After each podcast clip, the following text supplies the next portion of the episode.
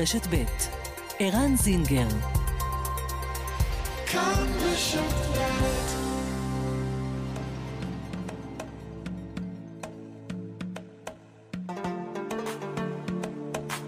מרחבת, מגזין לעניינים ערביים בארץ ובעולם, עם ערן זינגר. مرحبت مجلة تتناول شؤون العرب في البلاد والعالم مع عيران زنجر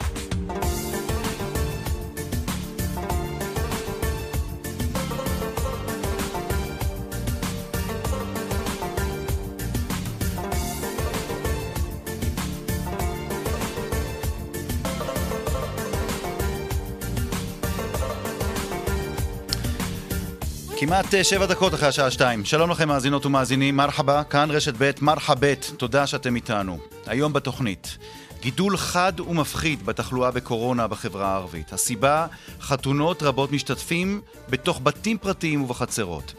עד כמה ההתעלמות מהנחיות של משרד הבריאות ברחוב הערבי מקורה באמונה שהכל בידי שמיים. איך אפשר לגרום לציבור לשנות הרגלים, והאם אפשר ללמוד על המאבק ההסברתי בקורונה מהמאבק למשל בתופעת העישון. נשוחח על העניין הזה עם המנהל של האגף הפנימי בבית החולים רמב"ם, הפרופסור זאהר עזאם. הקורונה ושנת הלימודים בחברה הערבית. תלמידים רבים נעדרו ממסגרות הלימודים כבר מחודש מרס בגלל הקורונה. מה עושים כדי להחזיר אותם?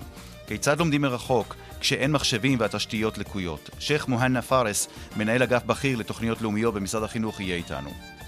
ועוד במרחבת. אופיר גנדלמן הוא דובר ראש הממשלה לתקשורת הערבית, ומאז שנורמלו היחסים עם איחוד האמירויות, גנדלמן הוא אורח קבוע ומכובד במיוחד בכלי תקשורת במפרץ. היום הוא יהיה האורח שלנו כאן במרחבת. וגם, אמש שודר בחדשות הערב, בכאן 11, הפרק הרביעי והאחרון בסדרה מחסום השפה. קיבלנו המון תגובות ממורים לערבית בהווה ובעבר, ולא פחות מכך מתלמידים שלמדו ערבית בבית הספר. השאלה שהעלתה הסדרה נותרה בעינה. מה עושים כדי שתלמידים יהודים שלומדים ערבית יוכלו גם להשתמש בה? נשוחח בעניין הזה עם ראש עיריית חיפה לשעבר, יונה יהב, הוא פעל להטמיע את הערבית המדוברת בבתי הספר בחיפה, וגם עם יועצו של ראש עיריית תל אביב לענייני החברה הערבית, כמאל אגבאריה, שפעל לשלב מאות מורים ערבים בבתי הספר. וגם, עד כמה דומים הקשיים של תלמידים יהודים, בכל מה שנוגע ללימוד ערבית, לקשיים של תלמידים ערבים שרוצים ללמוד עברית. בעניין הזה נשוחח עם איימן בחוץ, שהוא יספר לנו על הניסיון שלו. מרחבה, את העורכת שושנה פורמן, המפיקה איילת דוידי, טכנאי השידור אריאל מור, מיד מתחילים.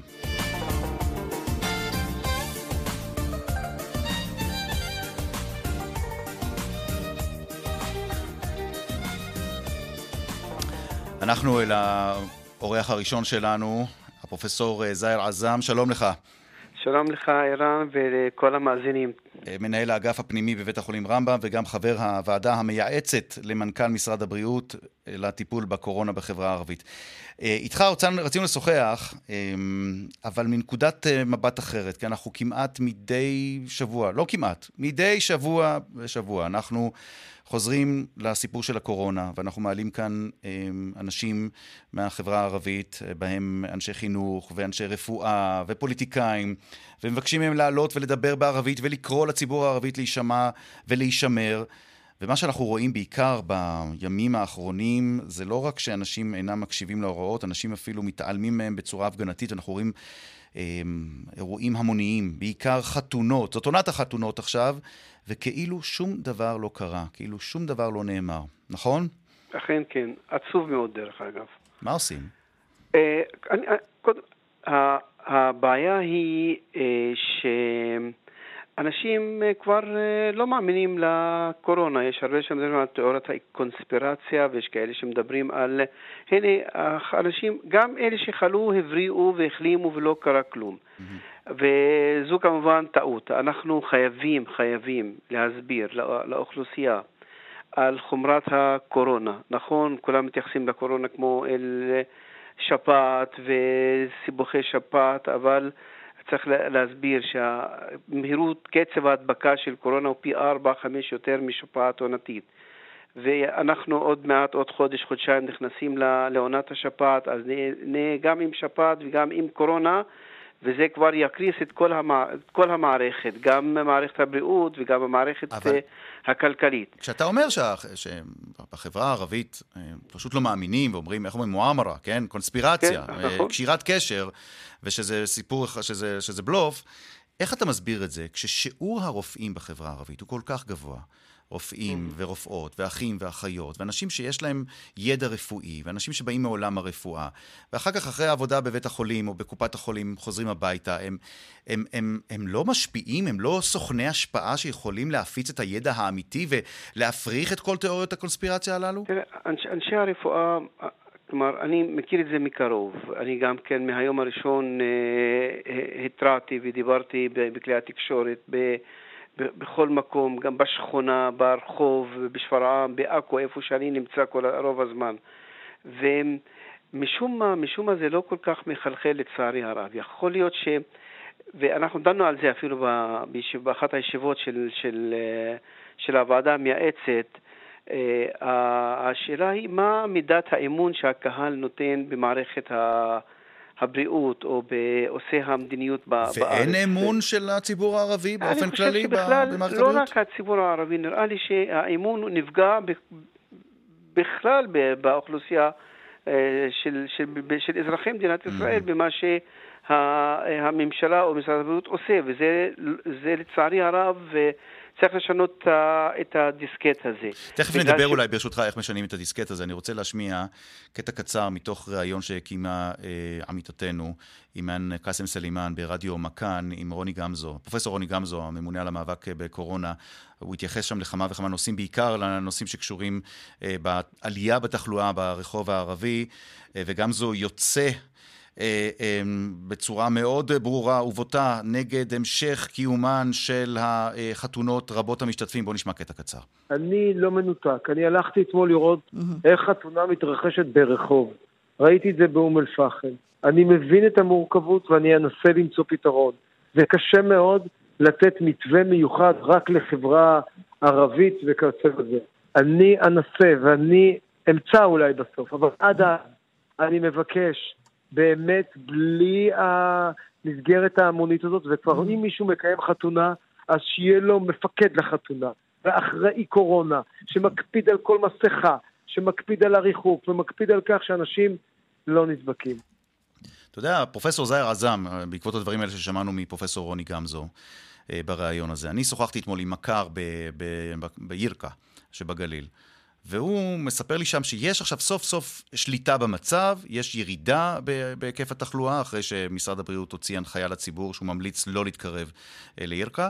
ואומר לי אותו מכר, תראה, אמ, אנשים החליטו עכשיו, במקום לעשות אירוע המוני, עושים חתונות בקפסולות. אז במקום להזמין אלף, אלפיים איש לערב אחד, אז פורסים את זה לשלושה, ארבעה ערבים, ובכל ערב מביאים כמה מאות. זה, זה רציני? לא, לדעתי לא. גם, מה זה, זה 300-400 בכל חתונה, או, או בקפסולה, או 200-300? זה גם כן אה, מספר בלתי נתפס לדעתי. אנחנו, אני, אני, אני חי את הקורונה בבית החולים, אני יודע מה קורה. אני חושב שהקריאה של פרופסור גמזו היא קריאה נכונה, צודקת. השיטה שמוצעת, של שיטת הרמזור, לסגור ערים אדומות, אה, כנראה שגם כן האכיפה בחברה הערבית היא אכיפה אה, קיימת, אבל לא מספיקה. אבל אני גם כן, אני לא פוטר את עצמי מהאחריות, אני לא פוטר את הרשויות המקומיות, אני לא פוטר את חברי הכנסת הערבים. מה יכולים לעשות חברי הכנסת הערבים? מה יכולים לעשות חברי כנסת יהודים? אני שואל אותך, מה יכול לעשות רוני גמזו? מה יכול לעשות מנכ"ל משרד הבריאות? כשאתה בעצמך אומר, הציבור מאבד אמון. אגב, לא רק הציבור הערבי, הציבור מאבד נכון. אמון, אתה מדבר בכלל על תיאוריות קשר.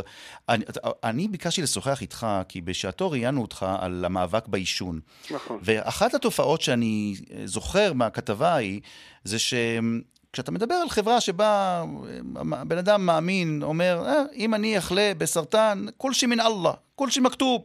ו- ואתם, אנשי מקצוע, באים ואומרים לבן אדם, תשמע, גם אם אתה בן אדם מאמין, וגם אם אתה מאמין שהכל כתוב, בקוראן יש גם ציווי שאדם צריך לשמור על נפשו, צריך לשמור על נכון. בריאותו, נכון? נכון, נכון, עקל ותווקל. אין ספק שמאוד חשוב. תראה, אני, אני גם, גם חושב שאנשי דת יש להם תפקיד מכריע. אה, ואנשים נשמעים לאנשי הדת. תראה, אני ראיתי את, הטוואף במכה בעיד אל-אדחא, בחג הקורבן. היה מדהים את, את, את הסדר המופתי שהיה שם, את הריחוק, את, ה...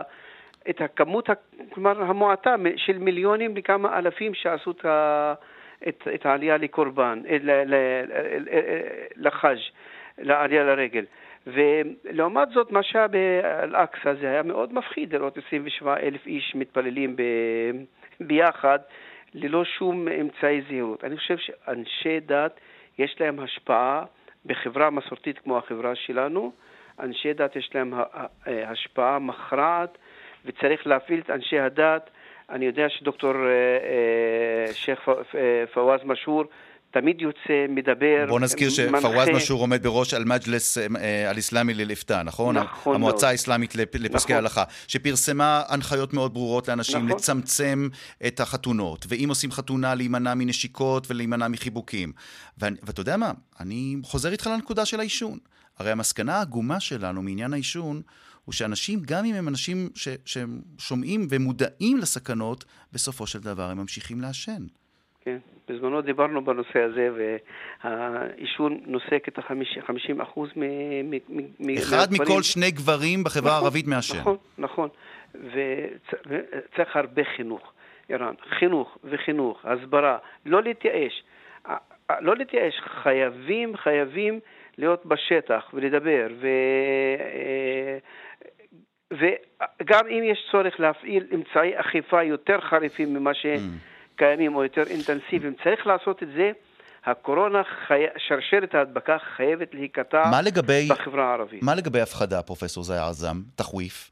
כי כשהתחיל הגל הראשון, אני זוכר שדיברנו כאן עם סוזן מזאווי, שאחראית על הקמפיין בערבית של משרד הבריאות, והיא אמרה בצורה חד משמעית, כש, כשהפעלנו הפחדה זה עזר. אתה יודע מה, בוא נשמע דברים שאומר בעניין הזה. אני חייב לומר דברים מפחידים, אה, הפרופסור רוני גמזו, באותו ריאיון לאימאן קאסם סלימאן ברדיו מכאן, בוא נשמע. ראשי רשויות מקומיות, באמת זה הזמן, ומנהיגי הדת, מנהיגי החברה והמנהיגים הפוליטיים, אני מבקש את המשקל שלכם, את העוצמה שלכם, קחו ותנהיגו את הציבור עכשיו, הציבור צריך אתכם. עוד שבוע, עוד שבועיים, עוד שלושה שבועות יגיעו גם מקרי המוות. תנהיגו את הציבור, זה הזמן. השימוש הזה במוות, האזהרה שהמוות אה, מתדפק על הדלתות, זה עובד? כנראה שלא כל כך, לצערי הרב, למרות שהמוות מקורונה קיים, אנחנו, אני מכיר את זה מקרוב, אפילו אמרתי את זה. אבל אם נסתכל על אחוז התמותה מקורונה, אנחנו כמה? 800 אה, או נפטרים מקורונה מתוך 100 וכמעט 10 אלף אה, נדבקים, אז, אה, ו, אז זה כנראה לא עושה הרבה רושם על האנשים, לצערי הרב, במיוחד על הצעירים. חייבים, חייבים באמת לשלב ידיים, ראשי רשויות, אה, פוליטיקאים, אה, פעילי ציבור במגזר הערבי, אנשי רפואה, אנשי משרד הבריאות, בריאות הציבור, חייבים לשלב ידיים למען הגברת התודעה. אני, אני, כשאנשים שואלים אותי, אני אומר להם, תשמעו חבר'ה, ברוך השם כל משפחה יש לה איזה שלושה, ארבעה ילדים לחתן. השנה אנחנו נעשה את זה בצניעות. שנה הבאה אולי באמת נצליח לעשות את זה ב... כמו שהיינו רגילים לעשות, ואז כולנו נשמח פעמיים, לא פעם אחת. פעם אחת ששרדנו את הגל של קורונה, בפעם השנייה שחיתנו עוד בן או עוד בת. Mm-hmm. וזה מה שאני אומר לאנשים okay. אוקיי. שאני פוגש אותם, וזה המס, תשמע... אתה יודע מה, אולי נשתמש בך כמנהל מחלקה פנימית, מנהל האגף הפנימי ברמב"ם, פרופסור זער עזם. בוא תספר לציבור, היהודי, הערבי, מי שמאזין לנו עכשיו, מה אתה רואה? מה אתה רואה בתוך בית החולים? אולי זה, אולי זה יעזור לנו בתחוויף, בהרתעה, בהפחדה. מה ש... מה ש... כלומר, קודם כל אנחנו בן לילה לפני כשבועיים, כשפתחנו את מחלקת, אנחנו שתי מחלקות אה, קורונה עובדות בפנימית ברמב"ם, ושתי המחלקות עובדות בפול גז. בן לילה התחיינו עם, עם מחלקה אחת של 20 חולים מתוך 30 מיטות, הפכנו בוויקנד אחד ל-57 חולים מתוך 60 שאוישו, הרוב, אם אני מסתכל על הקריטריונים של משרד הבריאות ואנחנו כותבים, הרוב מוגדרים קשה ובינוני, מעט מאוד חולים קל. Mm-hmm. באופן פתאומי אנחנו רואים הידרדרות נשימתית, שזה הבעיה העיקרית, הידרדרות של, של נשימתית והתפתחות של דלקת ריאות ודלקת בסימפונות ועם כל המשמעות uh, מזה. לנו יש מענה, אבל אין לנו, עדיין אין לנו טיפול דפיניטיבי לקורונה. אנחנו חייבים, הטיפול העיקרי זה להימנע מ... אה, מלהידבק מקורונה ולא להגיד לי זה לא יקרה או אני צעיר ואני בריא ואין לי דרך אגב יש לנו גם חולים שאין להם מחלות, הם, אין להם מחלות נלוות אחרות, יש סך הכל אולי קצת עישון, קצת השמנת יתר, והרוב, הרוב, אה, זה, זה האנשים. עצוב מאוד, ש... עצוב מאוד שזה המצב, נכון. עצוב מאוד אה, עוד יותר שה, אה, שכל התיאור הזה שלך לא מצליח לשכנע, אני חייב לומר את שני הציבורים, את היהודי וה, והערבי בארץ. נכון. והחתונות והאירועים ההמוניים מתקיימים, ו- וזה דבר שהוא פשוט, פשוט לא, לא, לא יאומן. פרופסור זאי עזם, מנהל האגף הפנימי, בית החולים רמב"ם, חבר הוועדה המייעצת למנכ"ל משרד הבריאות אה, לטיפול בקורונה בחברה הערבית. תודה רבה לך שהיית איתנו. אני מקווה שבפעם הבאה שנדבר נוכל כבר לסכם ולספר על הקורונה שהייתה מאחורינו. נכון. תודה. שוכרן ג'זילה. שוכרן. תודה. אה, שלום לשייח' מוהנה פארס. שלום ערן. שייח' מוהנה פארס, מנהל אגף בכיר לתוכניות לאומיות במשרד החינוך, ומטבע הדברים, אחרי ששמענו את ה... את ההשפעה, את ההשלכות של הקורונה עכשיו בתוך החברה הערבית. אנחנו איתך רוצים לדבר על ההיערכות לפתיחת שנת הלימודים בחברה הערבית ועד כמה או איך הקורונה משפיעה ומה עושים אה, בשטח. אם היית צריך לתמצת ולומר איפה אתם נמצאים, באיזה שלב אתם נמצאים עכשיו של ההיערכות, מה, מה היית עונה לי? כמובן אה, שאי אפשר לנתק את מערכת החינוך מהדיון שעם פרופסור עזרם. זה מאוד קשור, קשור בשני אופנים. קשור באופן אה, ישיר לקורונה והשפעתה עוד כמה ימים, זה קשור למתי שקורה משבר, איך המשבר משפיע בעצם הכי קשה על חברות חלשות, על פריפריאליות. אה, לגבי ראשון לספטמבר, השנה תפתח, כמו כל השנים, עם קושי רב, עם עצב בלב. אתה יודע, ראשון לספטמבר הוא סוג של חג. כשאתה בא, מקבל תלמידים, תלמידי כיתה א', שלומדים ולומדים בכיתה א', סוג של חג, קבלה מאוד מאוד חגיגית, והשנה זה נעשה מאוד בעצב, בגלל שהשנה תפתח ב-1 לספטמבר, אבל מה יקרה הלאה? איך נתמודד, האם נמשיך לבוא בקפסולות, פחות בקפסולות, זה נושא שמאוד מדאיג אותנו. סך הכל בחברה הערבית השנה תפתח רגיל, כמו כל, כל בתי הספר. אין ספק שיש הבדלים, כלומר, יש קושי רב בכל מערכות החינוך בעולם, כולל ישראל, בחברה הערבית זה יותר, הקושי מתעצם עוד. בוא נדבר על הנקודות העיקריות של הקושי. למשל, אם אתה, יש לך מספר, יש לך אומדן, כמה תלמידים בחברה הערבית נעדרו מהלימודים מאז חודש מרס האחרון? אתה יודע, אלה מספרים שנעים בין 50 אחוז ל-70 אחוז, ל-50 אחוז ל-30 אחוז, אבל, אבל המספרים האלה פחות מדאיגים. כלומר, גם 10 אחוז זה הרבה. כל אדם, כל תלמיד הוא עולם במלואו. אוקיי, אם נגיד מה, עשרה אחוז, זה ינחם אותי, לא. הרבה תלמידים, במיוחד במגזר הבדואי בנגב, אה, אלפי תלמידים לא הגיעו בכלל ללמוד. כלומר, הם היו בבית עם מחשב או בלי מחשב, גם כאלה עם מחשב, לא פתחו את המחשב ולא למדו. ואנחנו נראה את זה אה, בתוצאות של הבגרויות אה, בשנה הבאה, מאוד אה, מעציב, אבל לגבי השנה הכל יפתח כרגיל. אנחנו מנסים במשרד לעשות פעולות כדי למתן את, ה, את הבעיות. גם בנושא של אה, תקציבים, גם בנושא של אמצעי קצה. בוא תן לי נקודות, למשל, מעבר, אנחנו כבר עסקנו כאן במרחבת בעניין של היעדר תשתיות ובא, וכל מה שקשור לתשתיות אינטרנט, למשל, כשמדובר על למידה מרחוק, אה, ועד כמה שיש פער בין החברה היהודית לחברה הערבית, אבל למשל על אה, חדרי לימוד. הרי ברגע שמחליטים לקיים לימודים, אז יצטרכו פחות, ייאלצו להכניס פחות תלמידים לתוך כל כיתה כדי לשמור על מרחק. מה קורה בעניין הזה בתוך החברה הערבית? תראה, קודם כל, הקורונה הוא בעצם משבר שמשקף את כל מערכות החינוך בחברה הערבית.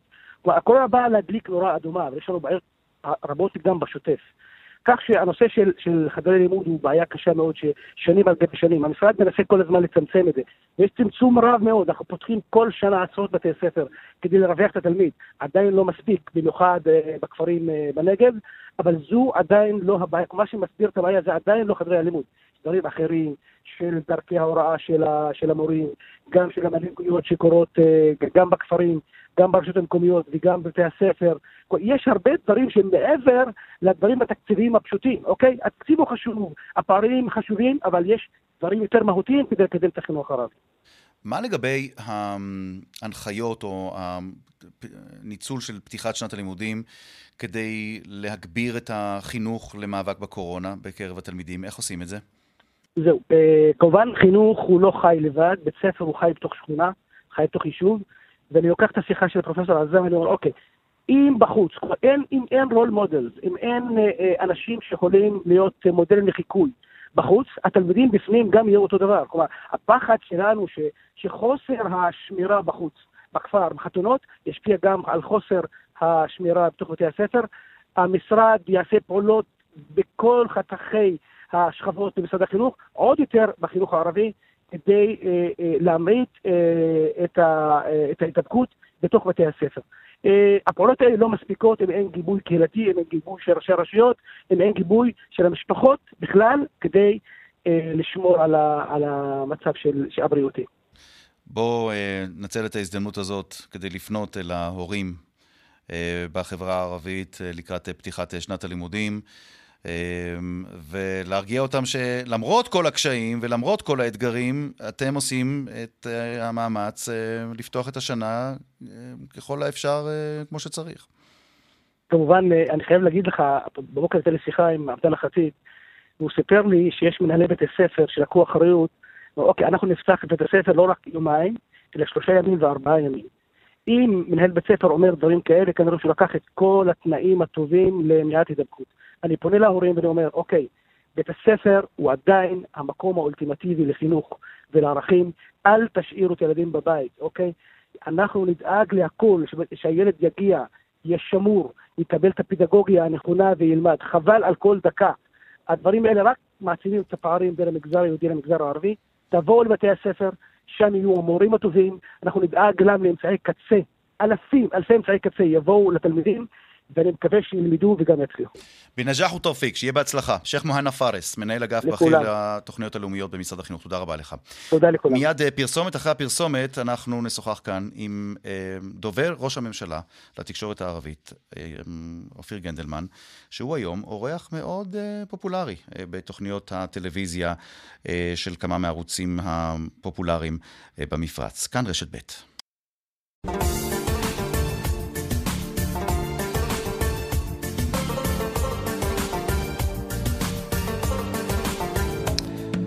דקה אחרי שתיים וחצי, מרחבה, תודה שאתם איתנו. שלום לאופיר גנדלמן.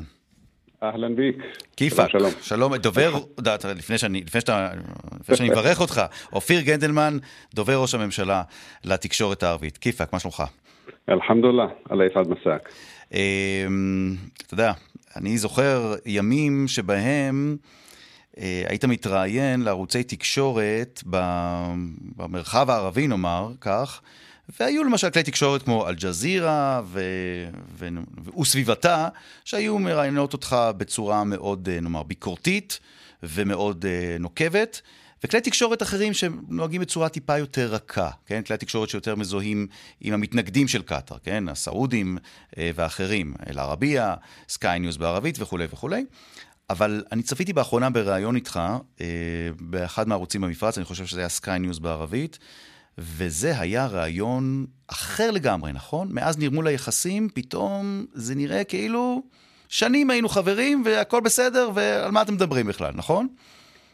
אה, נכון. אה, הרוב המוחלט של הריאיונות של ישראלים בכלל, לכלי תקשורת ערבים, הם ריאיונות מאוד אה, אגרסיביים, מאוד לעומתיים. ובאמת מאז החתימה או ההגעה להסכם שלום, הסכם כינון יחסים בינינו לבין האמירויות, בולטת מאוד הגישה השונה של כלי תקשורת באמירויות בכלל כלפי אה, ישראל. תן לנו דוגמאות. ו... אה, קשה לתת את הדוגמאות מבלי לתת אותן בערבית, אבל אם אני פדל. צריך לתת הכללות, הגישה היא אחרת, כלומר נותנים לך לדבר, לא קוטעים אותך, רוצים באמת לשמוע מה שיש לך לומר, באמת זה, זה סוג של דיאלוג וראיון עיתונאי כפי שהוא אמור להיות.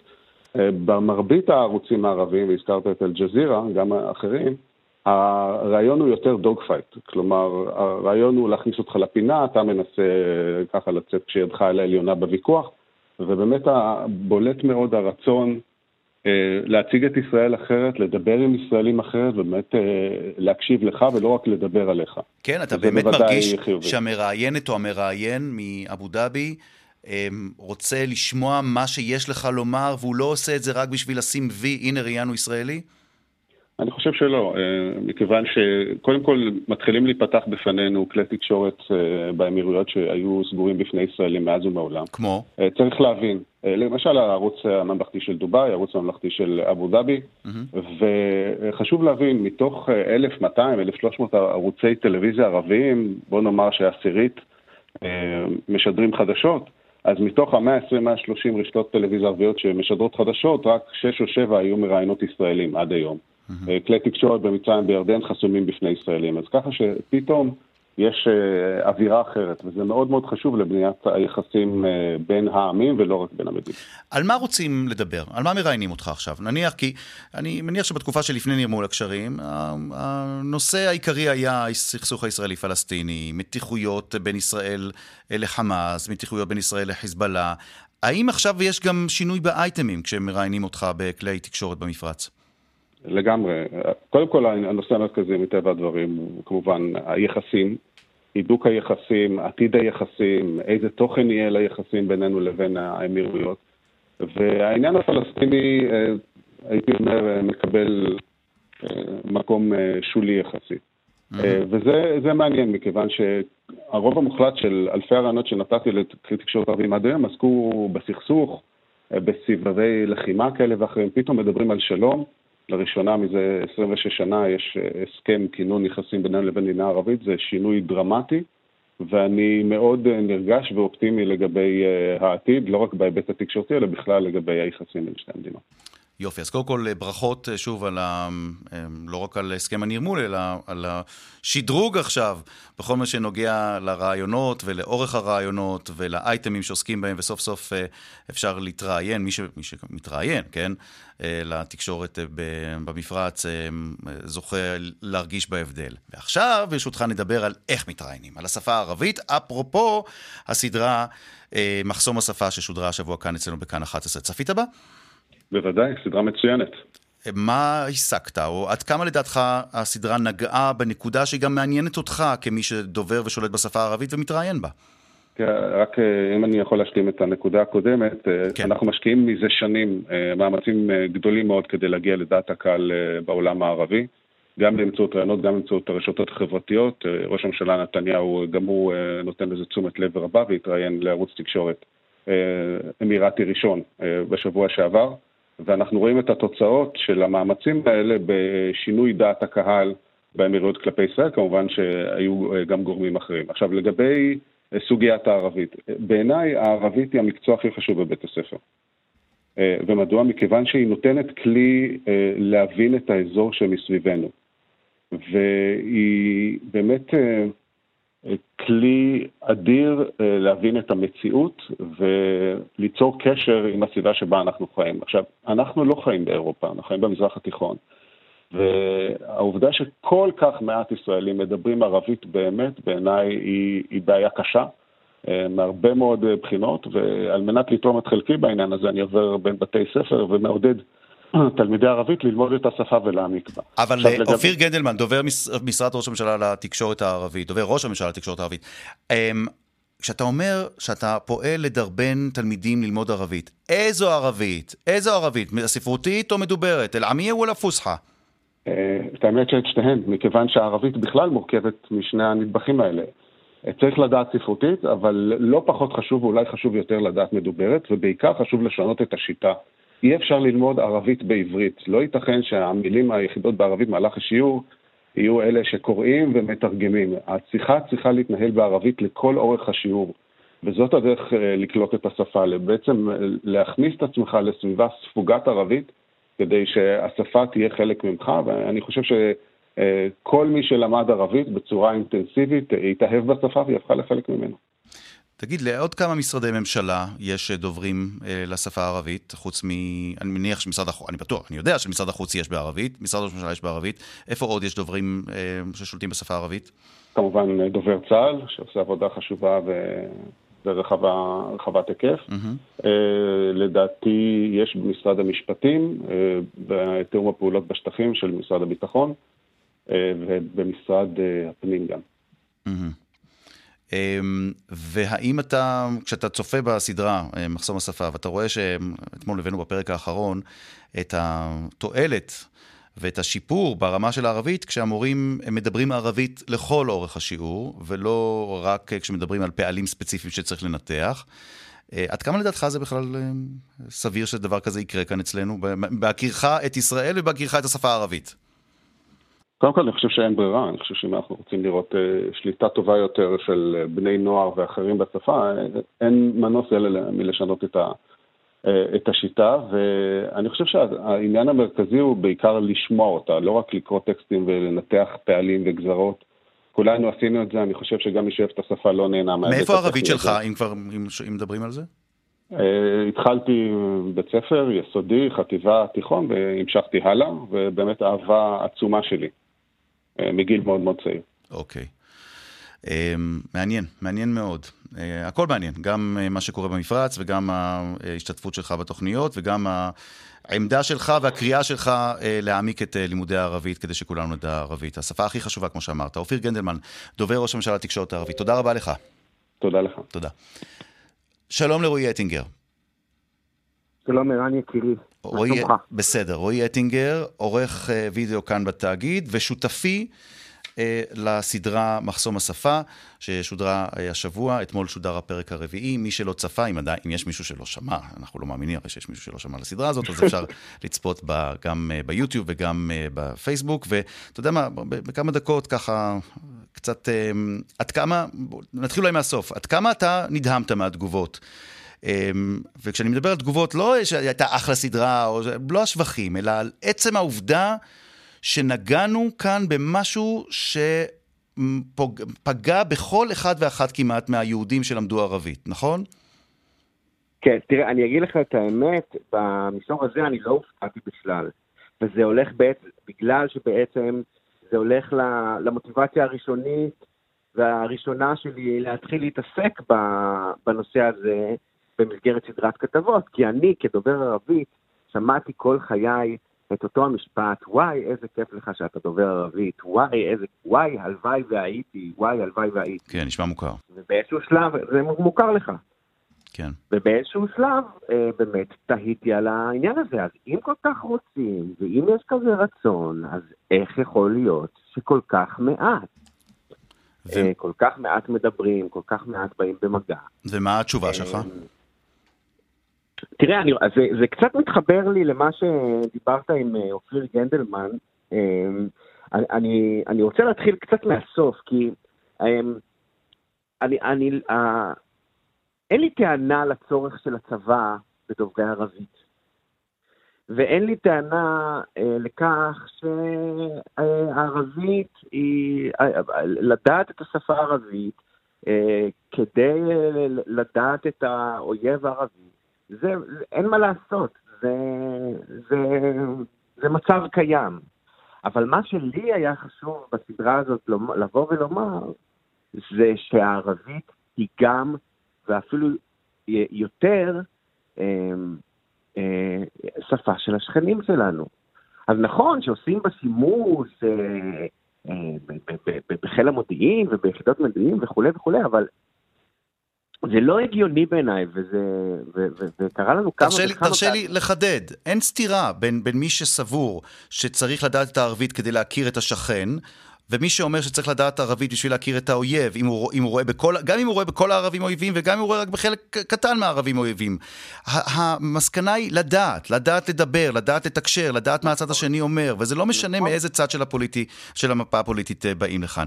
אמ, אנחנו חייבים לקצר, אתה יודע, ככה ברדיו, רועי, זה לא כמו בטלוויזיה שאפשר לשבת בחדר עריכה. כמה שעות אה, ישבנו בחדר עריכה בחודש האחרון? וואו.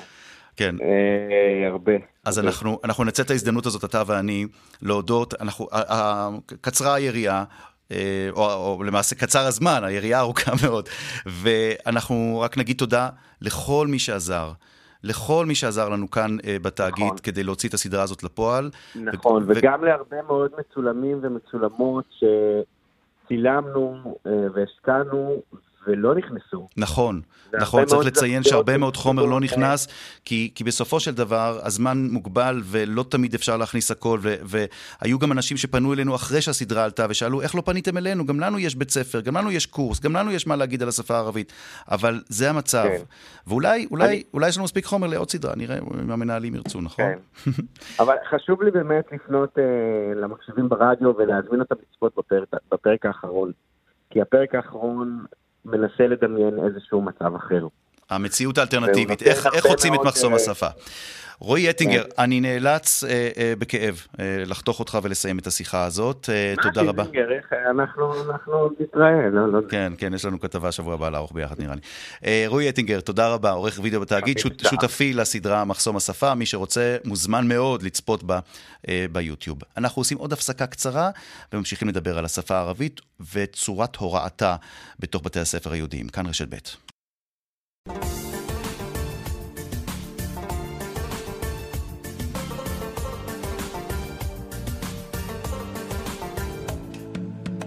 מרחבת, אנחנו ממשיכים uh, לעסוק בשפה הערבית ובצורה שיש אולי לשפר את uh, אופן uh, הוראתה בבתי הספר היהודיים, ואיתנו שניים. ראש עיריית חיפה לשעבר, יונה יהב. שלום יונה. שלום רב לך ולמאזינים. וגם איתנו כמאל אגבאריה, יועצו של ראש עיריית תל אביב-יפו לענייני החברה הערבית. שלום לך, מרחבה. מרחבה, רק תיקון קטן, אני אומנם יועצו של ראש העירייה, אבל כאן אני על תקן ראש תחום שילוב מורים ערבים בבתי ספר יהודים. מטעם מכון מרחבים. יש לי כמה כובעים, וזה הכובע היותר נכון. אז אנחנו, תודה. כן, וזה אפילו כתוב מולי, ואני אקרא את זה אחר כך אה, בהמשך. אה, יונה יהב. כן. איך זה היה, בתקו... אתה, אתה פנית אליי השבוע, בוא נספר, בעקבות הסדרה, כי רצית לספר משהו מאוד מעניין, איך אה, שינית את, החיפ... את המצב בחיפה, כי אנחנו, אה, כשביקשנו תגובת אה, משרד החינוך, התשובה, או הפסקה הראשונה בתשובה של משרד, של משרד החינוך לביקורת שיש על לימוד הערבית, הייתה, לפני כארבע שנים אושרה תוכנית לימודים חדשה להוראת הערבית המדוברת בבתי הספר היסודיים, כיום היא נלמדת בבתי הספר היסודיים במחוזות חיפה והצפון כמקצוע חובה, אבל אצלך זה התחיל עוד לפני, נכון?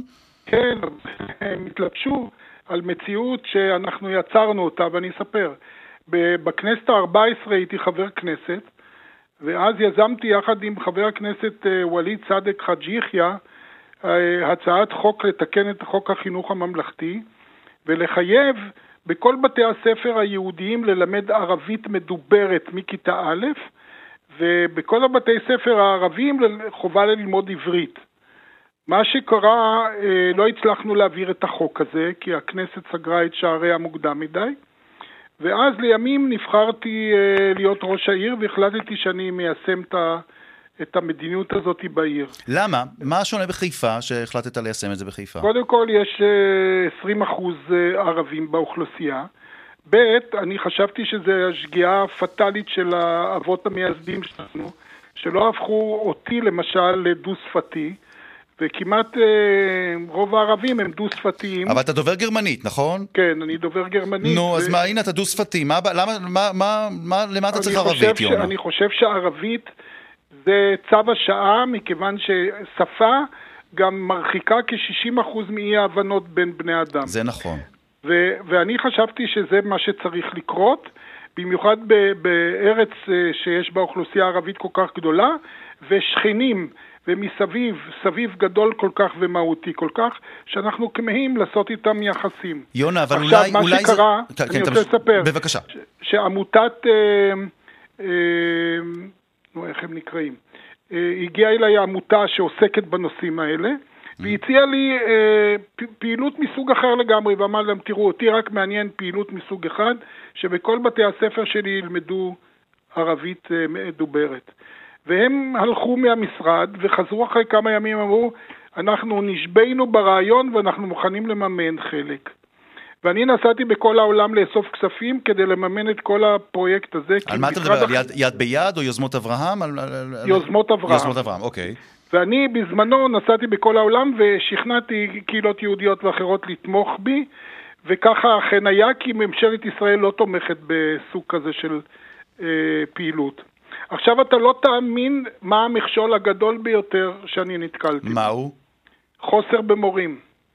או, אתה יודע מה, אז תישאר כאן, על הקו, יונה יהב, כי זה בדיוק המקום להכניס לשיחה את כמאל אגבריה, שהוא לא רק יועצו של ראש העיר תל אביב-יפו לענייני החברה הערבית, הוא גם ראש תחום שילוב מורים ערבים בבתי ספר עבריים במכון מרחבים. איך עושים את זה, כמאל אגבריה? איך משלבים מורים ערבים בבתי ספר יהודיים, כשהמציאות הפוליטית, איך לומר, לא תמיד נוחה? קודם כל מגיעה לך מילה טובה על תוכנית שמעלה על סדר היום הציבורי כל נושא של לימודי הערבית, וכמובן את שילובן של מורות ומורים. אוקיי, איך עושים את זה? אני אגיד לך איך עושים את זה. עושים את זה קודם כל חשוב להבין ברמת אה, מספרים. היום יש אה, כ-12 אלף מורים אה, ערבים מובטלים, ומצד שני יש בחברה היהודית, את ספר היהודי, ויש מחסור מאוד מאוד גדול. כל מה שצריך לעשות זה לקחת את אותם מורים ולשלב אותם בתוך מערכת החינוך היהודית, נקרא לזה הממלכתית היהודית, ולשם כך מכון מרחבים ביחד עם משרד החינוך הוא עושה את זה. למשל, אנחנו עורכים ראיונות עם אותם מועמדים. בודקים את יכולת השילוב שלהם, בודקים את השפה העברית, בודקים את ה... את הבנת המנטליות שלהם, של, של יחסי... וזה כזה ראות. פשוט, אתה יודע מה, במקרה הבוקר פגשתי מורה לערבית מהתיכון, בהליכה בבוקר בחיפה. והיא אמרה לי, ערן, זה לא כזה פשוט. להכניס מורה ערבייה לבית ספר יהודי, זה לא עובד בכל מקום. יש מקומות שבהם ישר מתחילה, אני אומר במרכאות, אינתיפאדה. מתחילים תלמידים והורים, לא מקובל עלינו, לא רוצים כאן ערבים. אבל בוא... אני, עוד, אני עוד, תסלח לי שאני uh, מתפרץ. כן. אבל uh, אצלנו אנחנו שילבנו. המורים, אני הייתי מגיע לחדרי המורים כדי לשמוע אם קיימות בעיות. לא הציפו שום בעיה, להפך. אמרו בנו, המורים עצמם אמרו בנו, אנחנו פחדנו יונה, אבל אתה, אתה מדבר על חיפה, חיפה זה לא ישראל. ורגע, אני רוצה לספר לך שבעירוני כן. ה', בחטיבת הביניים בעירוני ה', הייתה הרבה מאוד שנים מנהלת ערבייה. ערן, אני רוצה להגיד לך, בוא נצא מגבולות של חיפה. בבקשה, כמאל אגבאריה.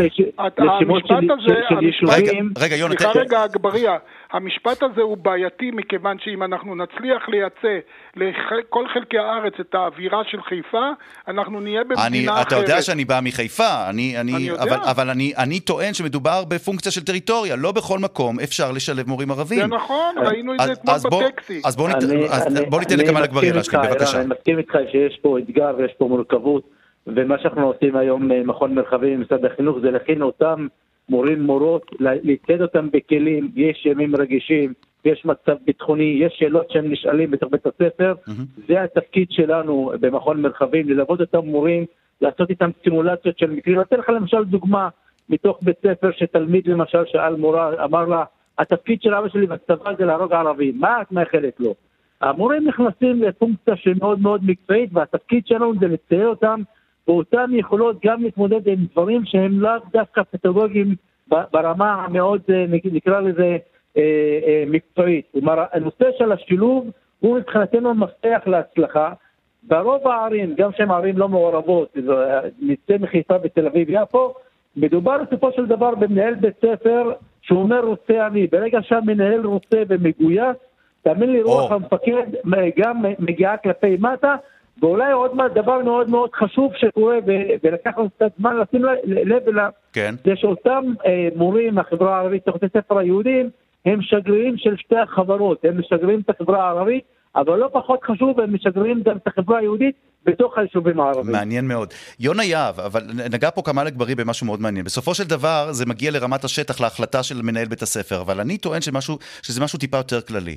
זה, זה המקום שבו הנציג של השלטון המקומי עושה מה שהנציג של המדינה, לצורך העניין, שמשרד החינוך לא תמיד עושה. כלומר, אתה כראש עירייה, קיבלת החלטות שאולי משרד החינוך לא רצה לטפל בהן, לא היה לו זמן לטפל בהן. האם בסופו של דבר השלטון המקומי יכול לקבל החלטות כאלה ולהעמיק את לימודי המדוברת במקומות שבהם המדינה לא עושה את זה, לא כי היא לא רוצה, אולי כי אין לה תקציבים, אולי זה לא בראש סדר העדיפויות שלה? מה אתה אומר?